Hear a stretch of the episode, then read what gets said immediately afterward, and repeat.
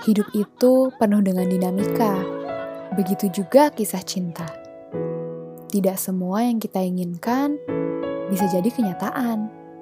Apa yang menurut kita baik, kadang hidup berkata lain. Namun, saat penantian itu sudah begitu lama, apa benar jodoh itu tidak akan tertukar?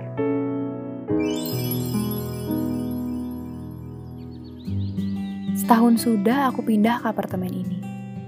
Begitu banyak hal yang terjadi. Ditinggal mantan pacar, harus cari pekerjaan baru, semua patut disyukuri.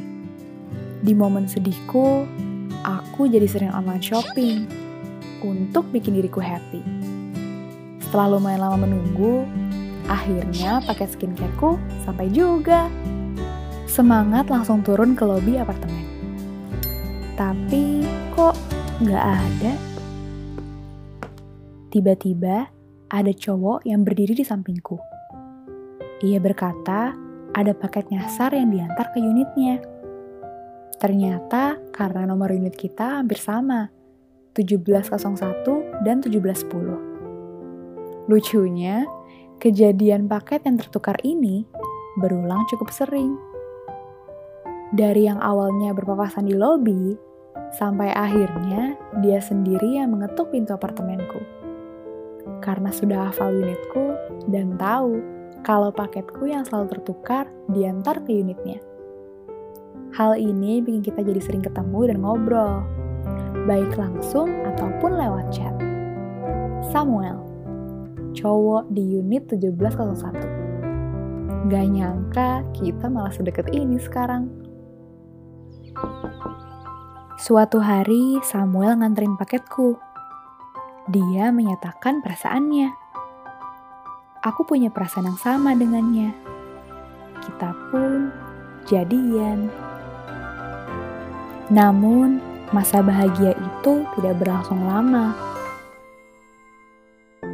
Samuel makin sibuk dengan pekerjaannya. Ia harus dinas keluar kota. Masalah mulai muncul dalam hubungan kita. Komunikasi berantakan, bikin aku jadi sedih. Hampir satu bulan kita jarang ngobrol, bahkan ketemu. Ketukan apartemenku perlahan jadi memori yang hanya bisa aku kenang.